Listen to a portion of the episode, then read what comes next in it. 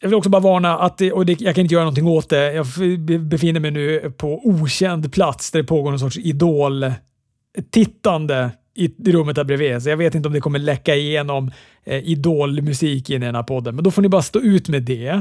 Det är det kanske i och för sig kan bli något problem. Eh, vi kanske kan få någon STIM-faktura då också. Ifall vi börjar ha populärkulturella låtar helt plötsligt i podden.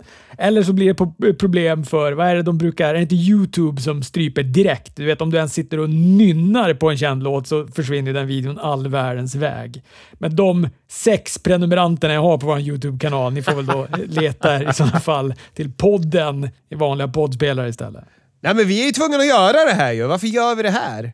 Ja, men vi gör ett eh, sånt här tillägg igen på ett redan inspelat avsnitt. Även den här gången så handlar det om att en nävebrottare har fått sparken. Så dessa åtta namn som jag nu kommer läsa upp kommer surfa in på Platsbanken. John Morrison, Top Dolla, Ashanti Diadonis, Isaiah Swerve Scott, Tegan Knox, Drake Maverick, Shane Thorne och Jackson Riker. Det är en bunt brottare som jag har mycket vurm för i den här listan. Ja, vad heter det? Man vill ju reagera på alla namn egentligen. Det känns som att... Alltså våran källa Anders skrev det här till oss när det här droppade, att de gör sig av med namn som kan bli något i framtiden. Vad har de kvar på main rostern som är liksom det de bygger framåt på? För fan, Hitrow, de var ju hur heta som helst. De var med på Smackdown för en vecka sedan. Hade ett stort segment. Dock pissade ju vi på dem för att vi tyckte de var bullies, men ändå. Vad är, det, det är sjukt. Nej, men jag håller med. Det är ju väldigt frapperande med Hitrow. Jag tycker att det är frapperande på flera sätt. Eh, för, för det första måste det kännas bra för B-Fab i alla fall. Det kan man ju trösta sig med. Jag vet att det var ju någon sommar som jag jobbade på morgonpasset i P3. Vi var tre stycken. Alla, jag tror fyra, till och med producenterna och sådär. Alla fick liksom samma erbjudande nästa sommar, utom jag. Man känner ju sig inte högst på näringskedjan när man är den av ett helt gäng som prioriteras bort. Oh, nej. Så B-Fab kanske, man kanske kan gotta sig i att B-Fab i alla fall mår lite bra av det här. Men jag tycker att det, det som är... Ja, men Swerve Scott är ju bedrövligt att han sparkas, för att han är ju som fruktansvärd talang. Han är för bra, så han måste hitta ett nytt hem illa kvickt. Ja, men vad heter det? Han verkar ju ha varit populär innan han signade med NXT. Nu kommer jag inte ihåg vem det var som pratade så himla gott om honom. Om det var FTR eller om det var Brody Lee eller om det var någon annan. Men det var någon av de här tidiga överlöparna till AEW som höjde Isaiah Swerve Scott till skyarna som en sån här kille som man bara vill ha på sitt lag, som alltid ställer upp, som alltid utvecklas och blir bättre. Och man har ju blivit lite kär i honom på NXT för att han har haft så jävla utstrålning och gjort fantastiskt bra matcher med liksom det han har haft att jobba med. Otippat ändå att de släpper Top Dollar. Alltså för han är ju inte ens från indiescenen. VVs nya grej, eller ny gamla grej, är ju att de ska komma direkt från VV, alltså du vet, de ska ju helst födas i Performance Center och inte känna till någon annan plattform överhuvudtaget. Men han är ju inte, han är ju inte kommit från någon indiescen. Nej, nej, det är jättekonstigt. Alltså, och det är ju så sjukt för de tjänar ju så jävla mycket pengar. För återigen då, det är ju budget cuts som har varit där de har fått e-mail ifrån John Laurinaitis för det här. Men alltså, det är så konstigt. De har ju precis blivit uppkallade. De har bara levererat bra på main roster. Men let's cut them. Det är så konstigt. Och T-Nox. Jag känner ju någon vurm för alla som har gjort, som sliter av främre korsband. Bara för att jag själv har gjort det så har jag, jag känner, jag känner att, jag, att jag har en koppling till alla de människorna. Jag finns här för er. Och hon har ju ändå jobbat sig tillbaka från två stycken sådana korsbandsskador och hade precis tagit sig till main roster. Det, sen är det tack och banan. Det måste ju kännas pissigt, milt, milt uttryckt. Det tror jag. Men de kanske, hon kan man ju förstå. Då. Är hon skadebenägen har hon svårt att liksom eh, känna att den investeringen är värd det. Så det är väl helt lugnt. Och, eller lugnt, jag, jag tycker också synd om henne, men man kan förstå det. Jag tycker att Hitrow är mycket mer underligt. Och jag tycker att, vad heter det, man kan även förstå John Morrison. Vi har ju haft på känn att han har varit på lånad tid, för han är ju för gammal. Men han är ju också, han blev ju över Alltså sist han fick gå matcher då var ju han mer över än de andra i matchen. Men det gillas inte. Då ska vi sparka han istället. Det är så konstig logik. Ja, det är väldigt märkligt. Han har också varit i någon sorts konstig limbo här sedan The Miss började dansa with the stars. Eller någon sorts zen-trans. Vi har ju sett honom på Raw i tre sekunder varje avsnitt där han bara sitter och, och är i någon sorts trans. Men eh, jag har inte sett några reaktioner från honom. Jag tror han twittrade ut någonting som han sen tog bort. Däremot hans fru, Taya Valkyrie, har ju... Eh, hon släpptes ju i början av november. Den här första städningen de gjorde här i november. Då, då var hon ju sådär nöjd på Twitter. Hon, man kunde ju läsa mellan raderna i hennes tweets att hon var besviken. Men eh, nu är det ju ord och inga visor. Hon uppmanar till bojkott och jag tror att det var “fuck them” i versaler. Och så hade hon väl kostat på sig ett och annat utropstecken efter det också. Ja, ja hon... Eh, krutet, det låg inte hemma och väntade och sparades på. Det kastades ut över Twitter när hennes man fick gå. Eh, men eh, hon, nu ska man ju säga, Twitter var ju en ganska het storm igår och idag gällande det här. Alltså, det är inte, det är inte mycket goodwill inom industrin mot WWE just nu, om han ska sammanfatta det. Nej, men också, eh, att de inte förstår det när de ändå så här presenterar eh, att det går toppen. Ekonomiskt går de som tåget. Det pratade vi om förra gången också. Att det är så frapperande att de inte kan förstå att det här kommer inte tas emot väl. Det är klart att det alltid tas emot väl när någon får sparken. Men du vet, man tittar på Ring of Warner och så här så känner man ja, men eh, vi fattar, ni har trampat vatten ganska länge. De här Sinclair kanske har slutat skjuta till pengar. Då är det svårt. Men VVE går som tåget ekonomiskt. Så det finns egentligen ingen, det finns inget ekonomiskt incitament att göra sig av med brottare på det här sättet, som de gör. Nej, nej. Och det är sjukt. De har ju släppt fler brottare från kontrakt 2021 än vad Impact har kontrakterade brottare. Det är ju ganska sinnessjukt ändå. Det är en fascinerande statistik. Men en av de bästa grejerna med den här release onsdagen, torsdagen, release torsdagen, eh, dag vild, är att Drake Maverick har gått och väntat på den här dagen. För han levererade en av de bästa promo-videosarna jag sett på länge. Fy fan vilken bra video! Man måste ha känt det här på sig. Alltså sekunden han fick ja. sparken så fanns det en välproducerad video ja. ute på Twitter.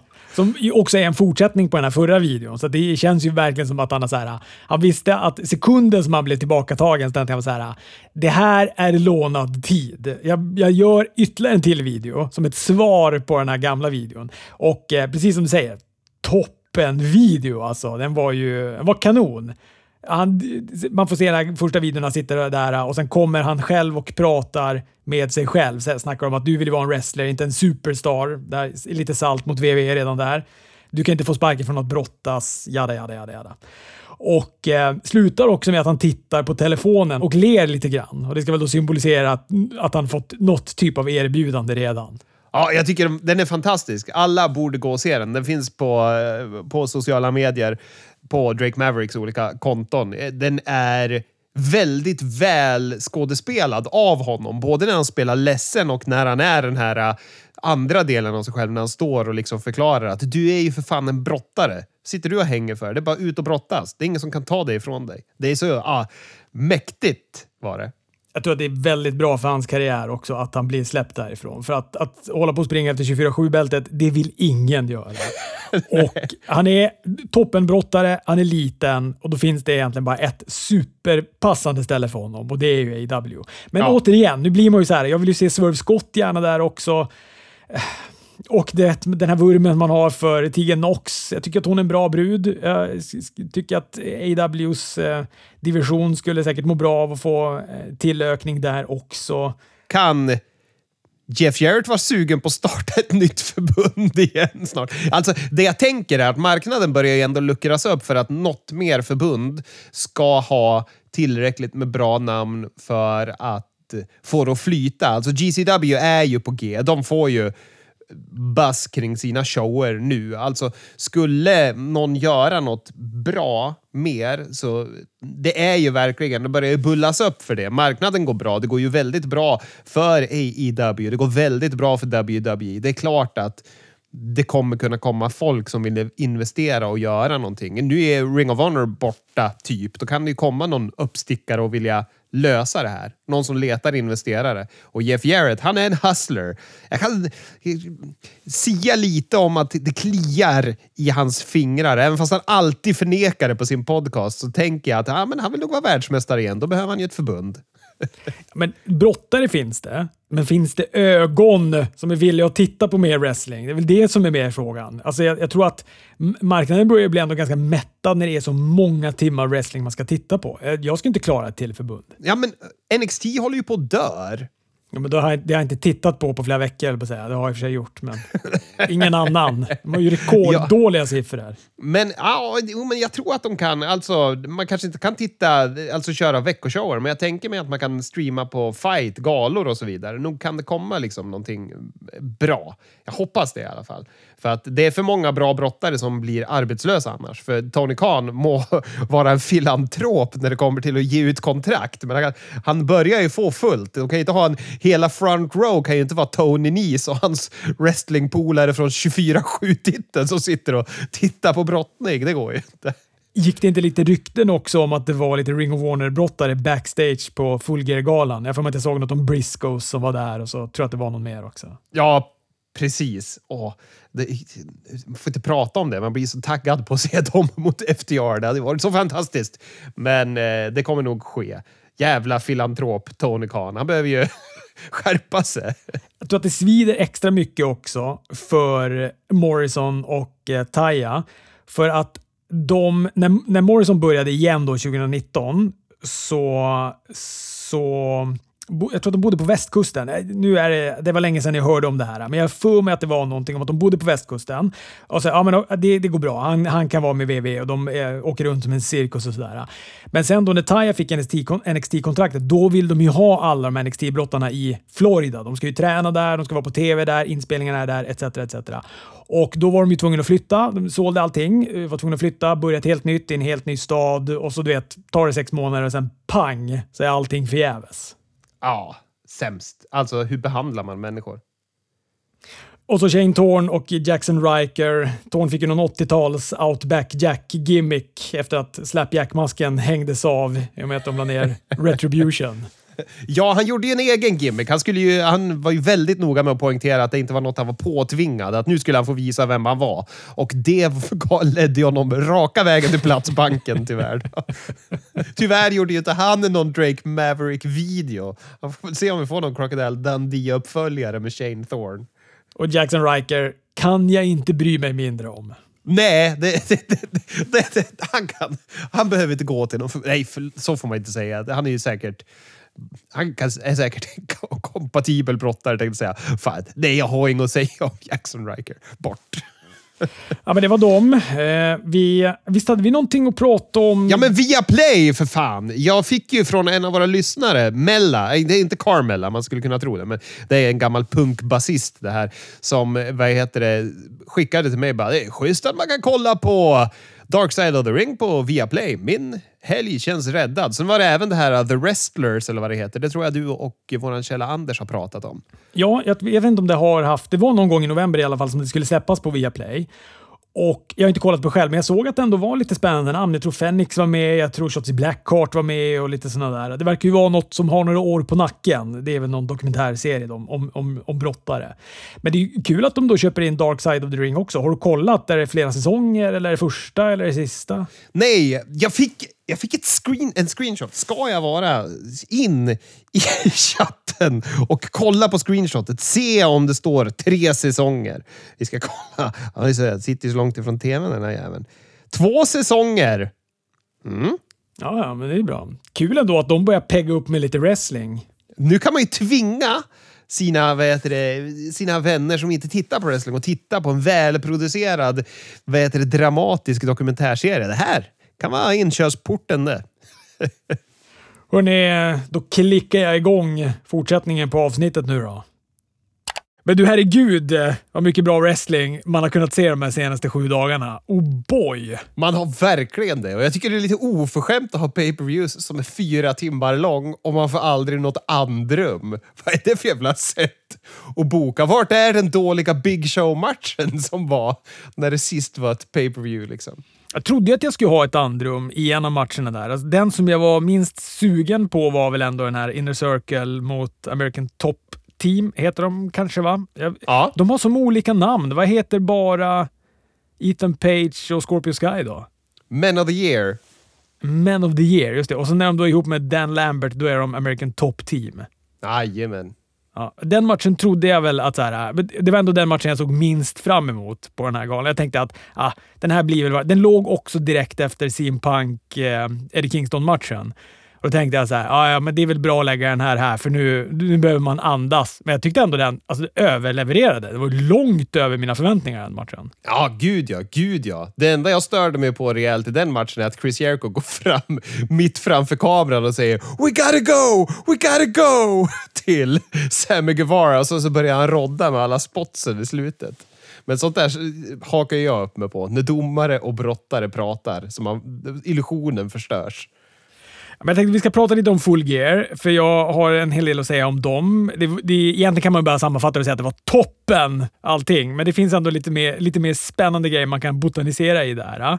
Eh, jag har ju också kollat på Battle in the Valley som var toppen! Kul!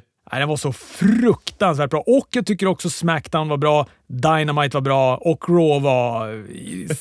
Det är svårt att vara golvad av Raw, men den här Ja. veckan var det fan... Det är ett av de mest platta Raw jag någonsin har sett tror jag. Ja, vad har hänt med Raw? Det känns som att de hade en uppåtgående trend och nu har de har nått kulmen. Nu, har, nu åker de ner för igen. Nu är det inte bra längre.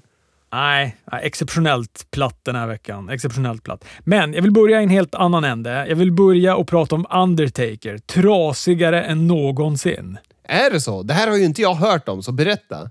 Ja, men de hade någon presskonferens där han skulle då bulla upp för WrestleMania i Texas. Han var med i någon radiokanal då och snackade.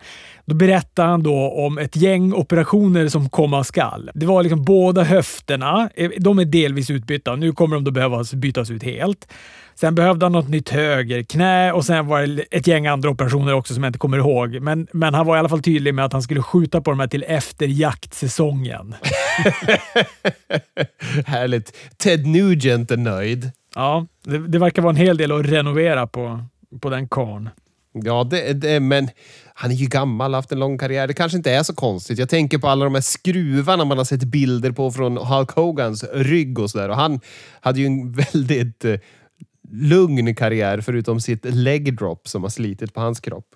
Tänkte liksom Matt, Matt Jackson och Nick Jackson då. Eller Jeff Hardy, Matt Hardy, alla de där som har... Ja, ah, gud. Jag kommer ihåg när jag såg Matt Hardy i Stockholm när vi satt på eh, hotellet som wrestlarna bodde på. Vi bodde på samma hotell som dem när Smackdown var där sist. Och trasigare man har jag aldrig sett gå. Liksom. Alltså, såg ut som han var hundra år gammal tills det kom fram folk och ville ta kort med honom. Då sken han ju upp och liksom la på glad min. Men ah, trasig människa alltså.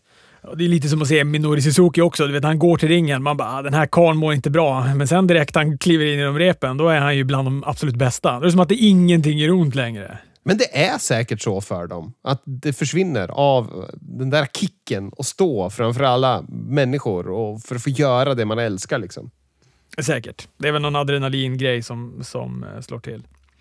Men apropå trasig, Kenny Omega verkar ju också vara supertrasig. Jag, jag tänkte det under hans, eller efter hans match mot Hangman på Full Gear, att ja, men nu kanske han ändå kommer få vara borta ett tag, få vila upp sig lite. Han har ju ändå gjort en bisarrt bra insats som mästare. Han har ju ändå gått bland de bästa matcherna senaste året. Ja, gud ja. Han har ju varit fenomenal. Han vart ju PWI Wrestler of the Year för tusen.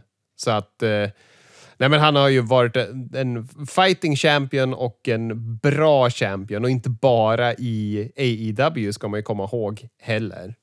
Tydligen väldigt trasiga axlar och eh, det var nog mer var knäna som var paj. Jag tror att han hade problem med ryggen och så förstod jag det som att nacken var stekt också. Vilket känns helt bisarrt när de gjorde de där, eh, ja det var ju några drivers där i Hangman-matchen som var bananas. Nej, men, och det är väl bra att han får vila och det är även bra för karaktären, tycker jag. Alltså, jag tycker de är bra på att cykla in och ut brottare i AEW. Det gör ju att man blir glad när Hangman kommer tillbaka till exempel. Och nu, tänk när Kenny Omega kommer tillbaka. Då kommer man ju go bananas. Det är som att de har signat någon ny och det är en överraskning. Sånt där gillar man ju när de försvinner lite och kommer tillbaka. Ja, för han tog ju också... På Dynamite fick vi veta att han skulle ta time off. Eller han, vad var han sa? Han, officiellt så skulle han väl kontemplera. japp, japp, japp. Och så bad han också att Bucks höll fort under tiden han var borta, varav Adam Cole var väldigt snabb på att replikera. Men jag, jag, ska hålla, jag ska hålla fortet. Och så kollar Kenny Omega lite snett på honom och säger “Jag pratade med Young Bucks”. Ah, så det är tydliga sprickor där också. Ja, snabbt ändå. Är det för att man väntar på att Kyle O'Reillys kontrakt kommer gå ut nu vid årsskiftet eller? Ja, men det är spännande. Men eh, mer Dynamite också strax. Låt mig få berätta om en jävla resa under rubriken Battle of the Valley. Oh ja, jag har inte sett en sekund av detta. Jag har sett lite screenshots, men de har jag nästan glömt bort. Så nu kommer jag vara idel öra. Ja, men det var toppengala det här. Vi börjar med det tråkiga. Chris Dickinson eh, skadade sig i tag match med Brody King. De gick mot Bateman och eh, Mysterioso. Skulle göra en frog splash. Man har sett många frog splash eh, de här senaste sju, sju dagarna. oh ja! Otroligt mycket frog splash. Eller han, han, skulle inte bara göra en, han gjorde till och med en frog splash. Kraschade i landningen, bröt höften. Oh, fy fan! ja, nu såg det inte så grafiskt ut när, när det väl hände. För han gjorde bara en frog splash och så ser man direkt han landar att han, han liksom tar sig på sidan och så bakom för låret typ ligger han och håller sig. Men man ser ju att något har gått åt helvete och att han har fruktansvärt ont. Han rullar upp sen och försöker göra något pinfall, men eh, äh, det går inte alls. Och sen så börjar de eh, börjar de slåss utanför för att liksom rikta fokus där så att de läkarna ska kunna kolla på honom i ringen och sen så går de bara till avslut. Men han, han bryter höften, ska vara borta i typ sex månader eller något sånt där. Ah oh, shit, ja men det förstår man att en sån skada är långvarig. Men det var lite synd, för jag tror att den här matchen ändå skulle pågått lite längre. Jag är ju ändå... Jag gillar ju varje sekund som jag får avnjuta Brody King i ringen, men eh, det lilla jag fick se var bra i alla fall. Och Moose och Juice Robinson gick också en väldigt bra match mot varandra, som Moose vann. Nu säger jag det här utan att egentligen få säga det, för jag ser alldeles för lite impact. Men Moose är bättre i New Japan än vad han är i impact. Jag är ju superöverraskad att de här två lyckas kräva ur en bra match ur varandra. För det är ingen av dem som jag tycker är en toppbrottare egentligen. Men det var alltså bra den här. Jag tyckte den var bra, men jag tycker också att det är Moose som gör den bra. Han är toppen här och eh, på Impact tycker jag att han är, varje gång jag sett honom på Impact så tycker jag att han är halvspännande. Ja, om ens det skulle jag säga. Jag tycker han har varit väldigt liksom blek och eh, ointressant. Nu har jag ju liksom, tittar jag bara när det var det här hela Wrestlehouse eller vad det hette och sen så har jag sett några sporadiska pay-per-views. Så jag ska väl inte ta gift på att han alltid är tråkig, men äh, kul! Roligt att han eh, levererar där då. Jag tycker han verkar ju ha bra personlighet. Alltså kanske inte bra som att han är en bra människa, men han verkar vara en bra promo-kille någonstans där inne. Om man kan få ur det ur honom. Och Juice, han kör någon sorts machoman-gimmick håller han på med. Alltså han eh, ser ut som machoman. Han kör samma poser som machoman. Han pekar, bland annat. Machoman-peken gör han. Jaha? Och efter den här matchen så kommer Jonah in för oss kända som Bronson Reed i eh, NXT. Ja, ah, just det. Ställde sig och eh, stirrade på Moose, men Moose drog och då hoppade han på Juice Robinson istället. Sabbade han med en eh, senton. David Finley kom också in och försökte hjälpa Juice, men då åkte han också på en senton av Jonah. Han kom in som superheal han då? Ja det, ja, det får man ju säga. Jag tycker det ska bli spännande med honom. Jag, eh, ja, men vi gillade ju honom i NXT och sådär. Han påminner lite grann om Jeff Cobbs. Ja, han gör det, fast inte lika stabil, eller vad man ska säga. Han, han har ju lite mer brister, Jonah, men eh, vi var ju så jävla säkra på att han skulle upp på main roster och det var säkert han med känns det som. Så det är skönt att han får en break här nu då och blir signad någonstans. Ja, gud ja. Jag är stensäker på att han skulle upp på main rosten. Han kände så fruktansvärt WWE main rosterig. Ja, och även groomad dit när de satte titeln på honom och hade det här att det var en 18 års resa och bla bla bla. Och sen två veckor senare, nej, du får sparken. Men du vet också nu, senaste NXT, jag ska inte prata om det, men då var Dexter Loomis gick en match mot, oh, jag kommer inte ens ihåg namnet på vad han heter nu igen, en av de här nya. Och så här, förlora. Ja. Och man bara känner såhär, ni har byggt ändå Dexter Loomis så fruktansvärt hårt den senaste tiden. Han betyder ingenting längre. ingenting, betyder Dexter Loomis. Är han för gammal? Han kommer ryka för att han är för gammal. De har byggt han i flera år. Gud, ja.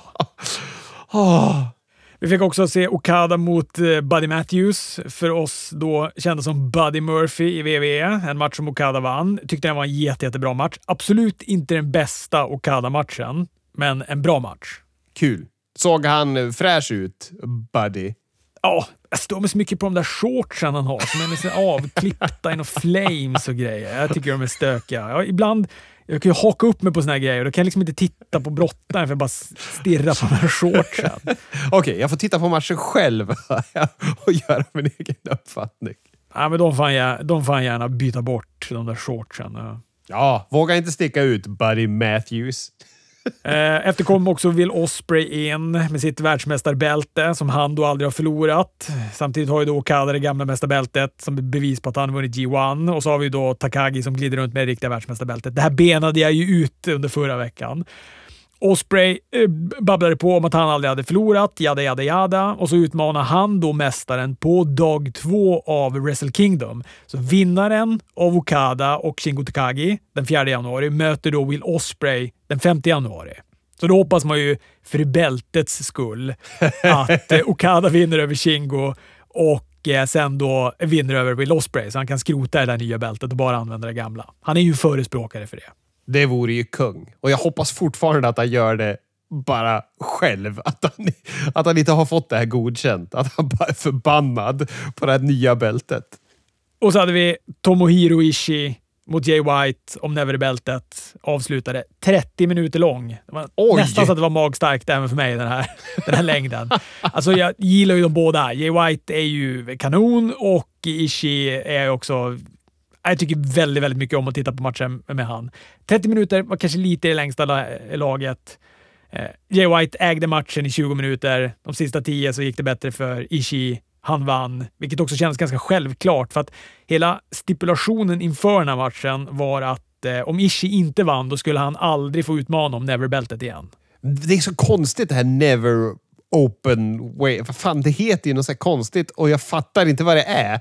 Det är så jävla rörigt. Nej, det är stökigt. Men jag tror att man kan tänka på det nu ungefär som en interkontinental titel. Ja, men kan det heta något annat?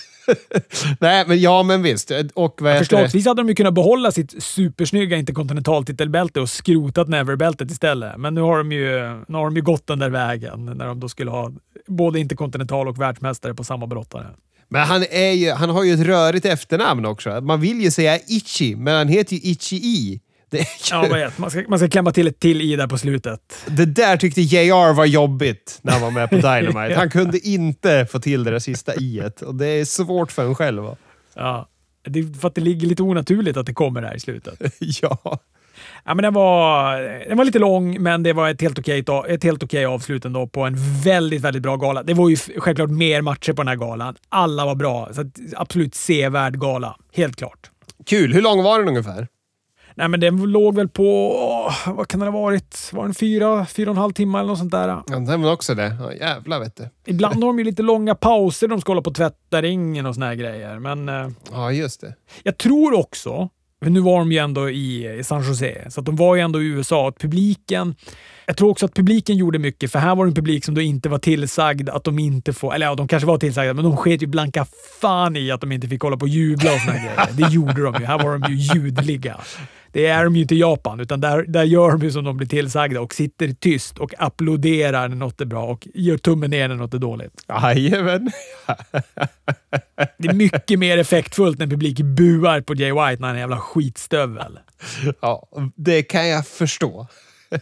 Full Gear var väl en eh, toppengala rent generellt. Jag tyckte alla matcher överlevererade. Det var, ett perfekt, det var en perfekt dramaturgi. Och jag tycker också ett extra plus vill jag ge till att de hade en ny scenografi. De hade inte heel och face-rören. Och det är väl första gången, va? Säger jag med magkänsla som källa. Ja, jag svarar med magkänsla som säger att så är det väl. ja, men det, kände, det känns ju kul när de liksom mix it up sådär. Så att det känns speciellt. Ja, men jag tycker det. De får gärna ha lite... De kör ju ändå på de här rören på både Rampage och Dynamite. Nu pratar han ju om att det skulle bli någon visuell uppdatering på, på Dynamite i januari, så vi får se ifall de fimpar rören där, men uh, uh, men jag, jag gillar ju ändå när man gör lite. Jag tycker att det var väldigt tråkigt när WWE slutade göra bombastiska scenografier eh, på deras pay-per-views, för annars var de ju väldigt duktiga med det. Ja, ja, ja, det saknar man. Jag vill ju att... Kan inte Tony Khan få lite hybris nu när de drog in sju miljoner i gaten eller vad fan det var på full gear? Ja, men de eh, har gjort det bra. De är ju duktiga på det där. Var de fyra största pay-per-viewsen, alltså sett till eh, bajs, var ju då... Har de gjort det här året? Ja, jättekul att det går så himla bra för dem. Och Det betyder ju också att folk är köpvilliga. Man, man vill köpa deras pay-per-views. Och det tror väl jag det. Man vet ju också, varje gång som man sätter på en AW pay-per-view så vet man ju ändå att det kommer att vara wrestling-kvalitet. Ja, ja gud ja. Och det är spännande för det är ändå en bransch så här som folk har dömt ut som död. Och de bara, ah, det skiter vi i. Vi leker Frankenstein och kickar igång den igen och säljer fan upp på 200 000 bajs. Jag var ju lite inne på det tidigare. Det var ju dödsdagen av Eddie Guerrero när Fulger gick av stapeln, vilket då ledde till att det var väldigt mycket Eddie Guerrero-poser och framförallt väldigt, väldigt mycket frog splash. Jag tror att det var 200 frog splash på bara Fulger. Ja. Och det var också varierande kvalitet på de här frog splashen. Det var även varierande kvalitet på Three Amigos som folk också gjorde i för många matcher. Kan producersarna prata lite med varandra och se till att det inte blir hela tiden... Det är en fin tanke, men det blir lite konstigt. Ja, men när alla också ska göra den här uh, Eddie Guerrero, så här axel... ja, dansen. Rytmen han höll på med. Så det blir ju lite tröttsamt till slut att sitta och se så Men man fattar ju själva grejen också. Han dog, vad sa de? Att han dog bara något kvarter ifrån den här arenan var i Minneapolis. Så det var väl extra då, eh, extra mycket just för att det var eh, dödsdagen och i samma stad och sådär. Ja, men visst. Darby Allen mot MJF som var öppningsmatchen. Ah, så nästan att jag var mest imponerad av den här matchen. Ja, ja, men verkligen. Hur, hur kan de här överleverera så jävla mycket? Alltså, man trodde att det skulle vara en bra match, men man trodde inte att det skulle vara en fantastisk match. För det var verkligen vad det var, tycker jag. Jag tycker båda överlevererade på brottningen också. Alltså, det är klart man vet att, att Darby är ganska bra brottare. Eller ganska bra, man vet att han är jävligt bra brottare och MJF. Men ibland är det som att jag glömmer bort MJF, lik, lik det han snackade om i promon sen också på Dynamite, som också var kanon. Ja. Alltså att så här, ja, men folk pratar om att jag är good on the stick, alltså att jag är duktig på micken, men, eh, men inte, alltså att jag inte har brottningen. Men här visar han ju, han var fantastiskt bra brottare här. Ja, gud ja. Och de hade ju såna här sekvenser när de matchade varandra move for move också. Det tyckte jag det, det växte ju MJF av, av just den här anledningen. Att man glömmer bort att han är både snabb, han är agil, men han kan ju även så här heelbrottas. Och jävlar vad han är duktig på att sälja tycker jag. För han sålde ju det där knät genom hela matchen. Genom att han gör en backbreaker som ser ut att gå åt helvete. Och sen så kör de ju på det hela matchen. Den var ju så jävla bra den här matchen. Men vad var den här side headlock-grejen som han höll på att snacka om? Jag förstod inte den. Ja, men han eh, sa ju att han kunde vinna Darby Allen med en side headlock. Och sen så vad heter det, gör han väl det efter att han har nitat honom med den här ringen? Ja, precis. Han plockar fram diamantringen och sen drar han ett side headlock och så vinner han på det. Då. Men, eh, och, du, och du menar man bara att side headlock, eh, side headlock är ett sånt epigt move att vinna med? Exakt, exakt. Det är aldrig någon som har vunnit med det, förutom MJF. ja, det är fränt i och för sig. Nej, men bra. Jag tyckte också det var bra att MJF fick vinna den här matchen. Verkligen. Lucha Bros mot FTR tyckte jag också var en toppenmatch. Här, är ju, här var väl den första Tre Amigos som var, för Penta var inte duktig på att göra Tre Amigos. Nej, han var ju bedrövlig. Jag vet inte hur han kan vara det, men det var han verkligen. Han var ju som en sköldpadda som inte kunde komma upp när han låg på rygg och sprattlade med benen. Jättekonstigt. Nej, Tre Amigos är inte hans starka sida. Det var, det var tydligt det. Ja. Ja, men också bra match. Lucha behöll titlarna. Eh, blir ju mer. Vi fick efterdyningar på Dynamite. Cash blev uträknad, men var inte the legal man. Domaren kunde ju dock inte se det eftersom de hade hängt på sig den här Los Dangos-masken. Det hette de inte Los Dangos. Vad var det de hette? Det var något med groda på spanska eller? Ja, groda på spanska, men vi kallar dem för Los Dangos. Nej, men det var rörigt i slutet, något djävulskt när de eh, höll på. Eh, det var lika förvirrat som Pentas Three Amigos. Jag tycker också Brian mot Miro, Brian Danielson mot Miro var en jättebra match. Brian vann med en DDT först och sen då en giljotin. Miros svaghet, DDT.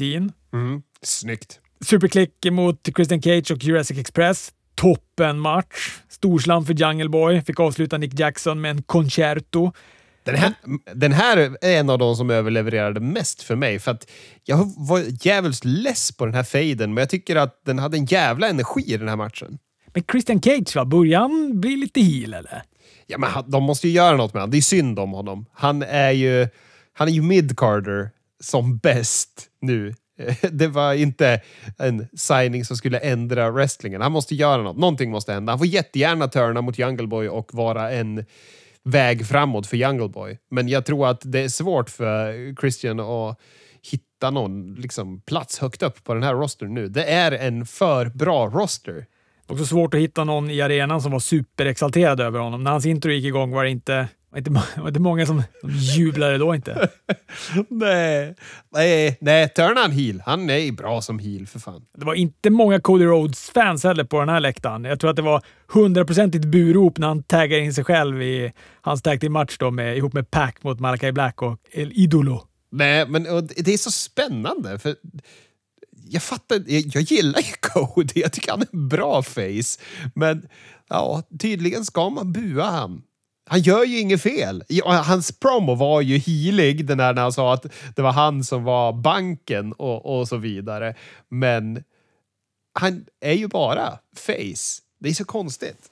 Ja, men den var healig, men den var ju också tokface den promon. Den var ju verkligen speciell, för den svängde ju liksom både fram och tillbaka. Ja, gud ja, gud ja. Han, han eh, ja. Ah, fan, det, är skum. det måste vara svårt för honom, tänker jag. För att även om han spelar en roll så måste det vara svårt att kliva fram och försöka vara likable. Och det är ingen som gillar den, även fast man inte gör något fel. Jag tycker det är konstigt. Jag, jag, det är som att de bara bestämt sig. Det är som att de bara bestämt, Det är en sån här VVE-grej det här egentligen. Att publiken bara bestämt sig för att nej, vet du vad? Dig är vi inte så förtjusta i. Nej, och det känns som att det bara är för att han har gjort den här uh, Go Big or Go Home show, eller vad fan det heter. vad är det den här uh, talangtävlingen han är med i? Eller? Ja, det känns som att nej, nu, nu lämnade du oss. Då lämnar vi dig. Ja, Pack och Cody vann den matchen i alla fall. Cash från FTR kom in efteråt, hoppade på Cody, så det verkar ju ändå som att det ska fortgå. Ingen Brody King som vi väl satt och hoppades lite på. Fram tills våran källa Anders skrev att påminde oss om att han faktiskt också var i San Jose. Det hade, hade vi glömt bort när vi gottade oss i de tankarna förra veckan. Men det känns ju troligt att Brody King kommer komma i och med att CM Punk under veckan har twittrat ut att han vill att Brody King ska komma till AEW. Jag tyckte han var snål med det här privatplanet hela kvällen, Tony Khan. ja, ja, det var inga överraskningar alls. Men det var en fantastisk gala ändå. Eller jo, det var ju en överraskning. Vi har ju Jay Lethal som jag glömmer bort. ja, vi fick Jay Lethal. Det fick vi. Ja. Men det var inte heller sådär... Jag tror också Jay Little är egentligen ett lite för litet namn för att man ska kunna göra något, någon storslagen entré. Alltså jag menar, man kan ju inte jämföra honom med Adam Cole eller Brian Danielson. Nej, gud nej, nej, nej. Han fick lite mer än eh, ett mellanting mellan Christian Cage och Mark Henry. Det vill säga, han fick stå och prata lite i alla fall. Han fick den, den introduktionen som Christian Cage hade behövt få. Ja, exakt! Exakt. Inte den överhypade bäst i världen. Två veckor innan vi ska berätta vem det är.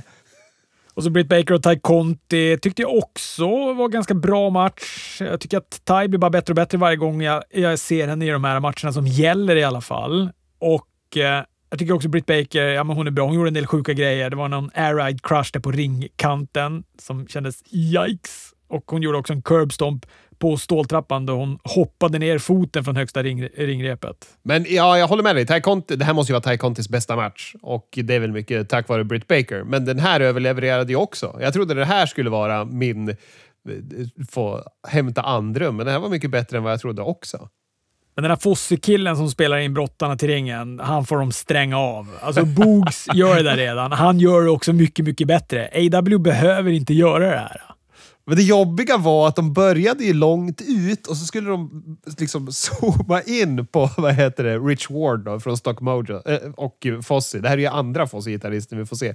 Men när det var på håll så satt jag och funderade på, vad fan, är det någon ifrån de här Steel Panther eller? För det ser ut som en parodi. Är det liksom, ska det vara en avdankad pudelrockare? Vad är det som händer? Men nej då, det var stackars The Duke, Rich Ward, som stod där. Okej, men det här var inte samma som spelade in Jericho till, eh, till ringen på förra pay per viewen Nej, och den här hade ju bättre trådlös också. Här hörde man gitarren hela tiden. Han hade bättre trådlöst och han fick ju också spela in till bakgrundsmusik. För det var det ja. som var förra gången. att eh, Jericho gick väl in bara liksom till, till en platt gitarr. Vilket, och så publiken försökte sjunga med och det gick inte alls. Åh, det är ju en av de sämsta grejerna som har hänt i en entrance. Fy fan. Men det är också så här, Jericos entré är ju också ganska helig på det sättet att här, det är förlösande för publiken att få sjunga mer. Det är också ett sånt enkelt sätt att få igång en publik. Ja, det blir allsång. Det blir alla glada av. Men, men det sumpar man genom att trycka in en gitarrist som bara står och spelar helt platt. Fy fan. Ja. Plus att de har dålig trådlös uppkoppling. Ja, det var inte mycket rätt i den. Ja, fy fan. Men det var mycket rätt i sin punk mot Eddie Kingston. Vilken fight de bjöd på de här två. Älskar också att de satte standard direkt när Eddie däckar punk med en backfist. Det första som händer innan matchen ens har kommit igång. Alltså det här är ju det bästa CM Punk har varit i AEW och det här kändes, för nu kommer han ju in på Dynamite också efter det här och det här kändes som att okej, okay, är det här startskottet för en bra CM Punk? För att han har, ju, han har ju underlevererat, tycker jag. Han har ju levererat habila matcher. Men det här känns verkligen som att okej, okay, det här kan vara startskottet som behövdes. Nu kanske han kan bara vara bra. För han kändes ju så jävla het och aggressiv och, och kaxig och, och det man vill ha i den här matchen. Simpank är lite som eh, Johan Reborgs karaktär i filmen Känd från TV, där han skriver en bok som egentligen inte han har skrivit, utan det är hans då bästa vän spelad av Christian Lok som har skrivit en bok där han då kritiserar kärnfamiljen. Johan Rheborg är då någon kändis, han, han är någon sorts David Letterman-variant och ger då ut den här boken utan att ha läst den, för han orkar aldrig läsa igenom den. Sen inser han då att han har skrivit en bok där han ifrågasätter hela kärnfamiljen och alla debattprogram vill ju då åt att få ha debatt med Johan Rheborg-karaktären. De vill att han ska försvara boken. Vad menar du? Varför tycker du så här? Det här är ju jätteintressant. Vad oväntat att du tycker så här. Och då för att undvika det här så går han bara och gör massa konstiga så här, sidan av. Alltså han är med i tv-program för att promota boken, men då är han så här kockkamp kockkampen, han så här, lagar någon mat och han är med i något sportprogram och pratar väder och sådana här saker. Han gör liksom allt som är nästan det han ska göra. Ah, ja. Det är lite så Simpunk har varit sedan han började. Han har liksom gått matcher, men de har varit så snett på sidan och inte riktigt de där matcherna man vill se med Simpunk. Exakt för den här. Exakt. Men det här kändes ju, den här kändes ju på riktigt.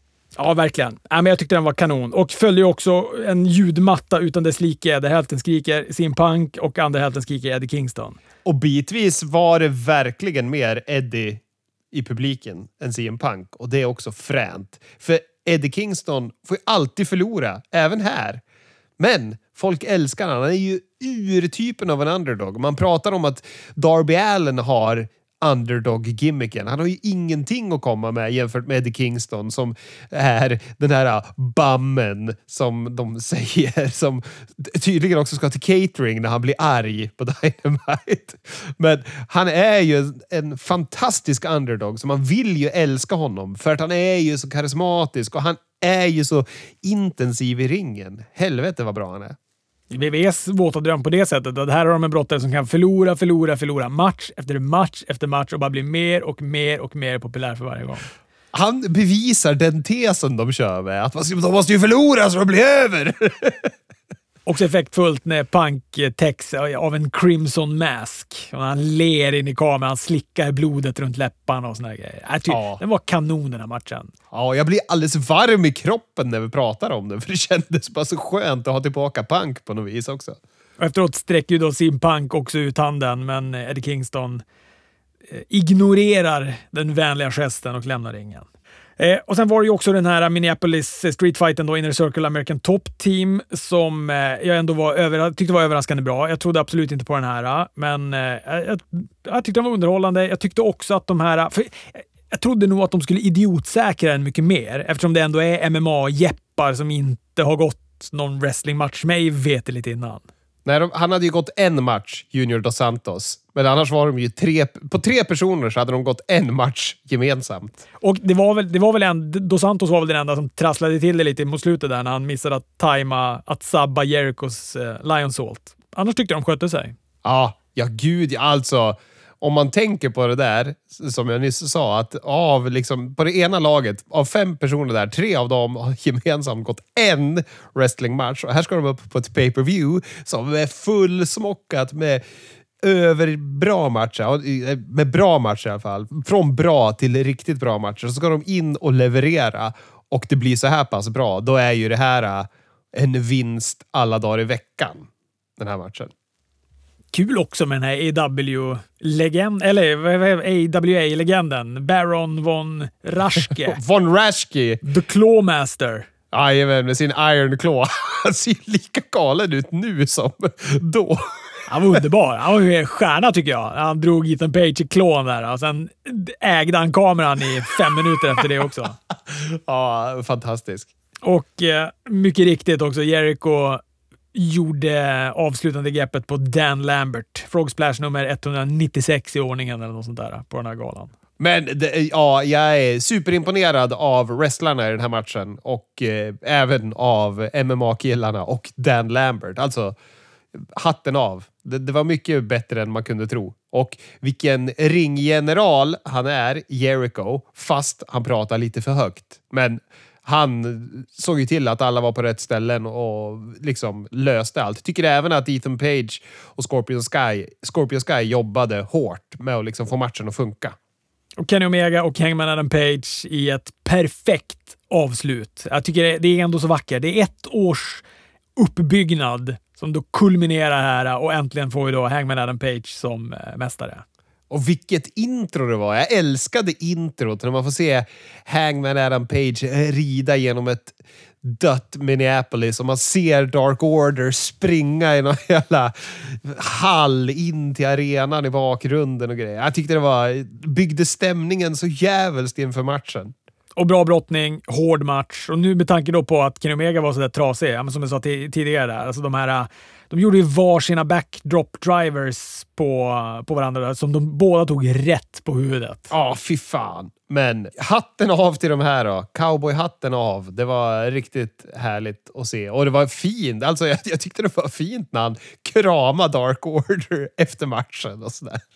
Men var det någon symbolik där när han eh, nekade whiskyn? Spriten bort. Kramen istället. Jag vet inte. Jag tog det mest som att han ville krama dem för att han varit så hård. Men han kanske har, han kanske har nyktrat på nu. Vem vet? det var inte så mycket sprit på den här cowboy shit day, eller vad fan det nu var på Dynamite. Nej, nej, det är sant. Men eh, det var ju även, vad heter det, We're proud of you, eh, video team, eller vad fan det stod också, på hans den här uh, bannern när hans namn står på full gear. Ja, just det. Där det brukar stå fakta, då hade de bara bytt till att de var stolta över honom. Men du, vad hände egentligen i slutet här med Young Bucks? Alltså de, Hangman gjorde en buckshot lariat från ena kortsidan, hoppade över till den andra. Matt Jackson då, båda Bucksen har ju kommit in då lite senare under matchens tid. Och Matt Jackson närmar sig honom, nickar till Hangman Adam Page som då hoppar in den avslutande buckshot lariaten och vann ju på den. Ja, men de nickar väl för att nej, vi kommer inte sabba. Som jag tog det. Alltså, ta, ta den här titeln nu. Vi, vi kommer inte sabba. Det var så jag tolkade det i alla fall. Att fan, vi är ju polare. Ja, fast det är också så här, fast de är ju ändå ett team med Kenny Omega. Det, det, måste de välja mellan Kenny Omega och Hangman Adam Page så borde de ju välja Kenny Omega, kan ju jag tycka. Men eh, jag, tänker väl att det här kanske är upptakten till uppbrottet. För sa inte också Omega på Dynamite jag har inte hunnit kolla på matchen och, och, eh, och analysera den, utan nu måste jag bara kontemplera och ta det lite lugnt och vila upp mig. Jag tror att han har inte sett den där grejen än. Ah! Nej, just det. Så kan det mycket väl vara. Då kan han komma in och sänka dem och vara psycho bananas som han var där ett tag. Han hade ju också något snack på Rampage innan eh, Full Gear Alltså Hangman Adam Page då med, eh, med Young Bucks där han kom in och sa det. Jag, jag vet att ni sabbade, eller jag sabbade ju er titelmatch, men ni sabbade min första, så nu är vi, nu är vi kvitt. Ja, men precis. Det där var ju en callback till det. Uh, han hotar ju även att döda dem om de skulle lägga sig i. ja, nej, men jag, eh, jag, eh, jag tycker att Folger var kanon. Jag tycker också att Dynamite var bra. Jag tyckte det var spännande Dynamite på det sättet att eh, jag tyckte Brian Danielsons tvärvändning på Dynamite till superhit, alltså för mig kom den från ingenstans. Jag hade ju sett ett videoklipp på, eller på, inte på Youtube, på Twitter, typ dagen innan.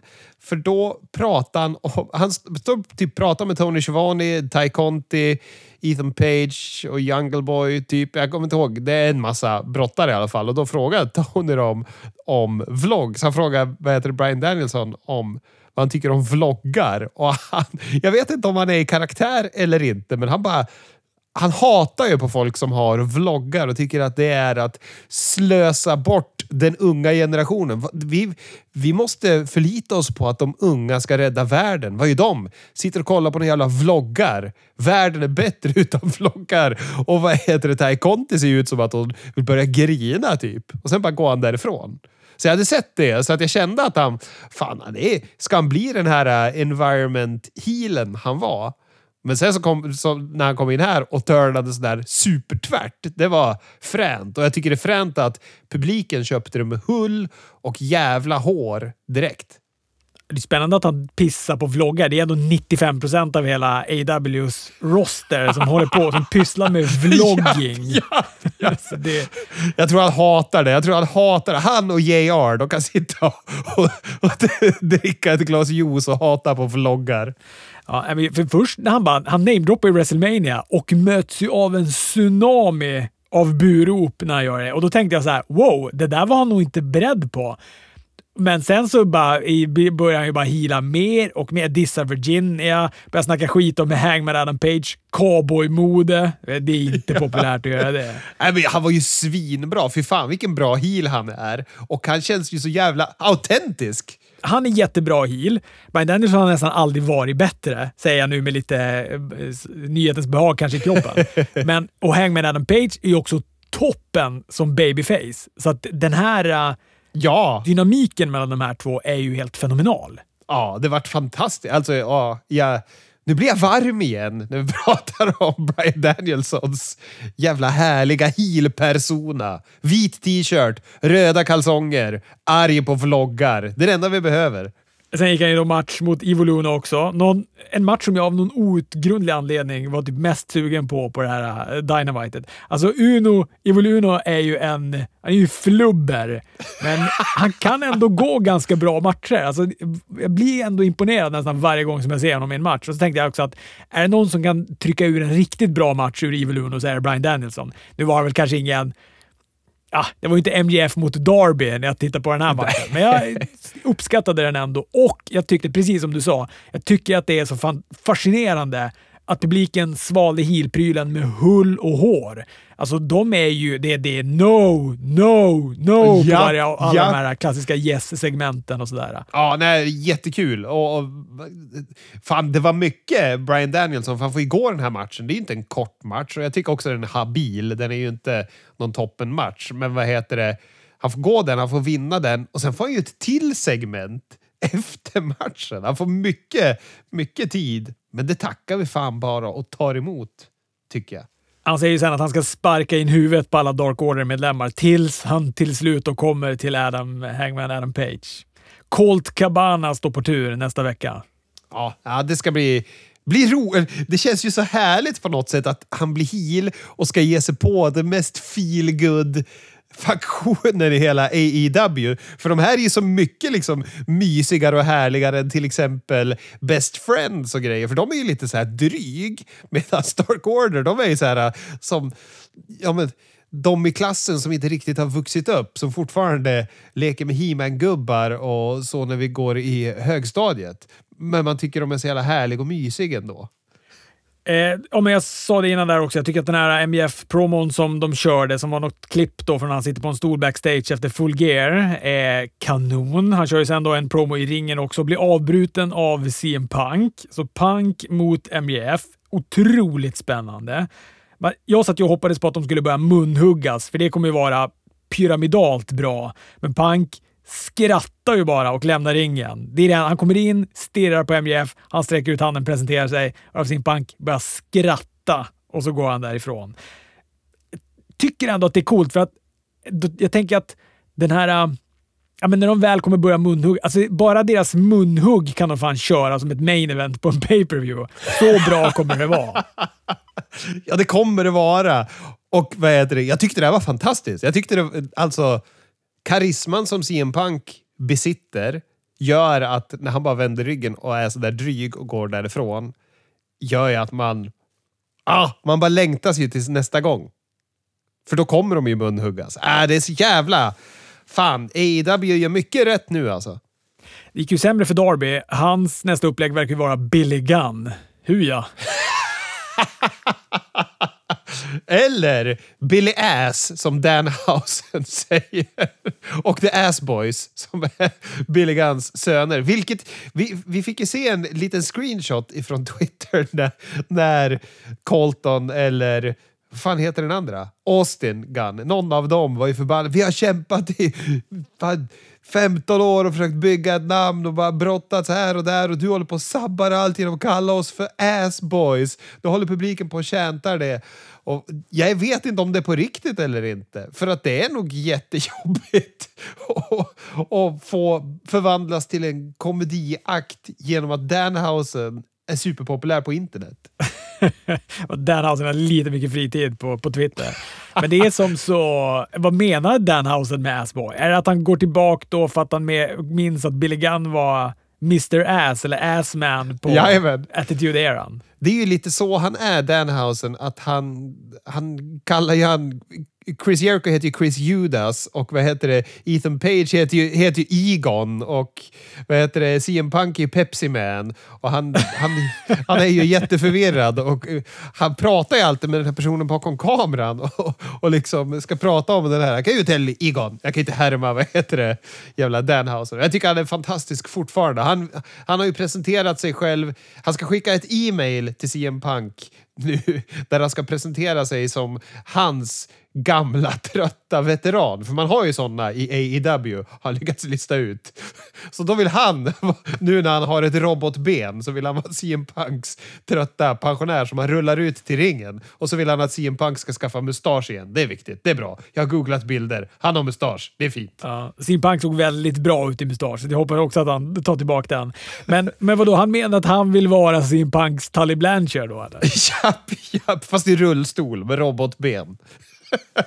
ja, toppen är han fan, Danhausen. Toppen är han. Ja, men han, kom, han kommer ju bli signad när han är hel, känns det som. När CM Punk börjar sparra med honom på Twitter, då måste ju Tony Khan gå igång på högcylindrar. Kul också att se Tomohiro Ishii i AW. Älskar ju den här karln. Det är som att se ett kylskåp eh, gå wrestlingmatch. Han och Orange Cassidy vann ju då mot Butcher och Blade. Butcher och Blade måste ta sig lös från det här metardistallet. Ja, det är många som måste ta sig lös från det där jävla stallet. Men, det stallet måste upphöra. Ja, det är, det är nog fan det sämsta i AEW. Det är det där stallet. Det tillför ingenting. Ingenting. Det där är som att vara med i Job Squad när Al Snow hängde med dem. De, de kommer ju bara förlora. All, oh, fy fan intetsägande. Jag, går på en, fan, jag kan inte sluta prata om det här för att jag blir så arg på hur sämst det är. Men mycket namedroppande av eh, Okada också i, under den här matchen. Ja, det är härligt. Vad kan det bli? Men han får komma in och spöa bort stallet från Matt Hardy och sen så kan han gå vidare och möta ja, men Brian Danielson eller någon. Eh, Nyla Rose avancerade också i TBS-turneringen, vann över Hikaru Shida. Synd tycker jag. Jag hade gärna sett Shida mot Thunder Rosa i finalen, men icke. Nej, det var oväntat tycker jag. Men jag tycker det är roligt att de här två fortsätter ha bra kemi. De här har ju aldrig en dålig match. Den här var ju en bra match. Den var kanske inte kanon och så, men de har ju alltid liksom stabila matcher de här två med varandra. Ja, det är absolut bland de bättre av Nyla Rose i alla fall. Ja, ja men hon har bra kemi med, med Shida, så att det, det känns alltid skönt när de här ska mötas. Och Jay Lethal mot eh, Sammy Guevara om TNT-titeln var också ett bra avslut. Eh, det var lite 50-50 på vem publiken höll. Hälften eh, Lethal, hälften Sammy Guevara. Trodde också att Lethal skulle få vinna. Ja, han var också nära flera gånger. Det, hade, det kändes i och för sig... Det hade känt, känts rätt oAW-skt att, eh, att bete sig så. Men eh, Sammy Guevara vann. Inner Circle kom in och firade efteråt och alla skakade tass. Så slutet gott, allting gott. Men den stora frågan, det var ju 50-50 i publiken ungefär. Vem höll Tony Nis på? För nu är jag tillbaka och sitter i publiken och fick synas under main eventet här och de påpekar att ah, nu är Tony Nis här och tittar igen. Han har nog bra kontakter som får sitta så bra. Det är så konstigt. Vart är det där på väg? Är det Sammy han ska möta eller? Ja, men då borde han väl snart börja gå in och utmana om den där jävla titeln. Ja, för det, det, där håller ju på att bli en WWE-pastisch annars. Att de ska hålla på och mjölka någon i publiken på det där sättet. Det är ju väldigt WWE-eskt. De skulle ju kunna hålla på sådär. Sitta vecka efter vecka efter vecka och sen bara put, puts väck, så han borta. Har Tony Khan råkat signa Tony Nese och vet inte vad han ska göra med Eh, jag gillade också Smackdown. Jag såg det lite sent. Hade ju 200 timmar annan wrestling att se innan. Jag tyckte det var en bra första match. Sasha Banks, Naomi och Alia mot Shayna Baszler, Shotzi och Natalia. Jag tyckte att det var kul att de gav Alia mycket utrymme och fick också brottas, brottas mycket mot eh, Natalia och hon är ju duktig på att få, få andra att se bra ut. Så det, det, var väl mycket hennes förtjänst att Alia såg ganska bra ut. Fick också rulla upp henne efter en sharpshooter med fusk efter lite assist av Naomi. Men det var bra fart i den här matchen. Det uppskattade jag. Ja, ja jag håller med. Hon spydde tydligen backstage efter, precis innan hon ska göra den här intervjun som, där Sonja Deville kommer sen och plockar henne ur Survivor Series. Men bara, de fick köra lite tvättlappar över munnen på henne, så, så, var, så var det bara att köra. Det var som fan. Men det är ju märkligt Smackdown ändå och Raw med det här att de först deklarerar alla deltagarna i respektive lag på Twitter, Smackdown och Raw-lagen för Survivor Series. Och sen med en vecka kvar, då börjar de bryta upp de här. Byta flera namn. Det är jättekonstigt. Jag förstår ingenting. Det är som att de det har, blivit, har Vince blivit arg? För på Raw till exempel för två veckor sedan, eller när det var, en vecka sedan, då skulle det ju bara vara före detta mästare, annars fick man inte vara med. Men på Raw kommer vi få med Austin Theory. Alltså, det finns ingen kontinuitet nu alls. Fan, har Adam Pearce blivit galen som karaktär? Jag fattar inte. Jag förstår inte det här Survivor Series-lagen och varför bryr sig någon? Det är inga brands som krigar. Oh, jag blir matt. Och så dök von Wagner upp. Gjorde ingenting, men han dök upp i alla fall. Men det där var alltså von Wagner? Det där var von Wagner. Han ska, jag fattar det som att han ska börja figurera som någon sorts bodyguard åt eh, Adam Pearce, men bara på Smackdown. Det, han kanske inte har samma hotbild på Raw i och för sig. Det är väl för... Jag antar väl att det är för Brock Lesnar, men... Åh, vad ja. dumt! Vad dumt det här är! Och vad synd! Brock Lesnar är också free agent, och har varit väldigt tydliga med. Han kan också dyka upp på Raw, men han kanske har missat det. Adam Pearce. oh, oh, ja, jag vet inte ens vad man ska säga om sånt där. Men han såg ju cool ut, von Wagner. Han såg ung ut, men han såg bitig ut i alla fall. Jag gillar han. Ja, jag gillar han. Jag gillar han jättemycket. Jag tycker om von Wagner. Han och eh, Braun Breaker, det är fan det bästa med nya NXT som hade usla tittarsiffror. De hade ju riktigt käpprätt åt helvete katastrofala siffror den här veckan. Jaha, NXT?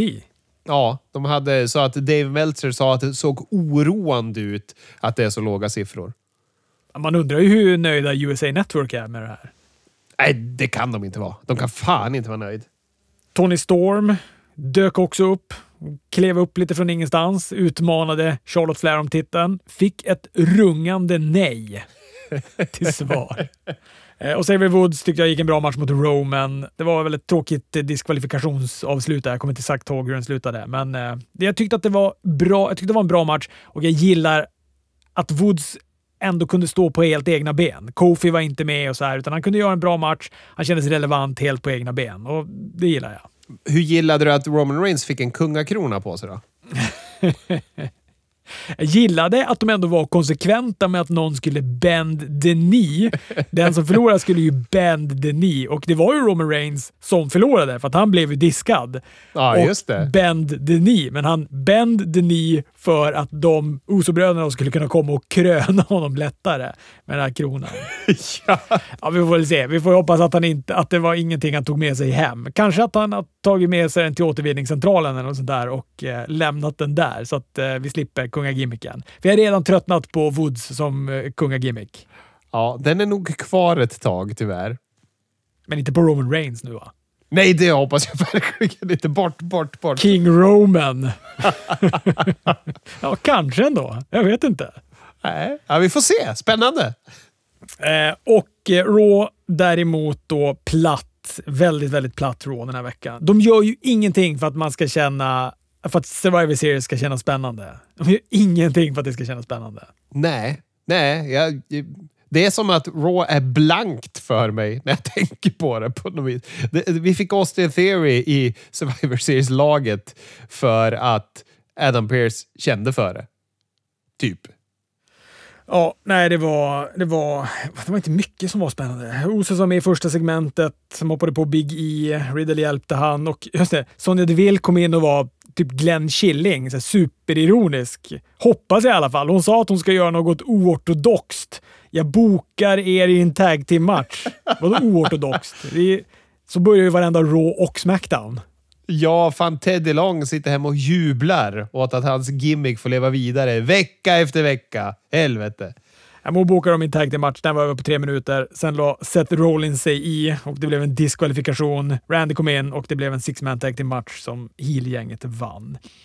Jag tyckte att det var något positivt i alla fall med att man fick eh, även Alpha Academy den här veckan. De verkar ju ändå gilla, nu de förlorar ju varje vecka. Nu gick de ju mot Street Profits och eh, förlorade den. Men de gillar, verkar ändå gilla att använda Alpha och det uppskattar jag.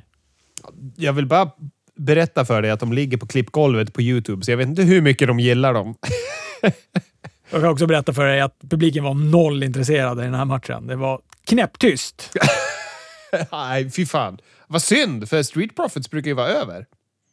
Eh, Kevin Owens och Finn Balor fick 12-13 minuter. Tycker de gjorde en bra match. Publiken verkade gilla den. Owens fick vinna och sen så var det ju då det här main eventet. Bobby Lashley fortsätter att ta medlemmar ur Raw-teamet. Lag Raw. Den här gången då var det Rey Mysterio som brök till förmån för Austin Theory, som du sa. Ja, konstigt, konstigt. Dåligt main event också. Dåligt avslut på Raw. Svagt. Ja, det var det. Och det var slarvig match var det. Får jag berätta någonting som jag tyckte var väldigt roligt när jag lyssnade på en intervju med Leo Rush?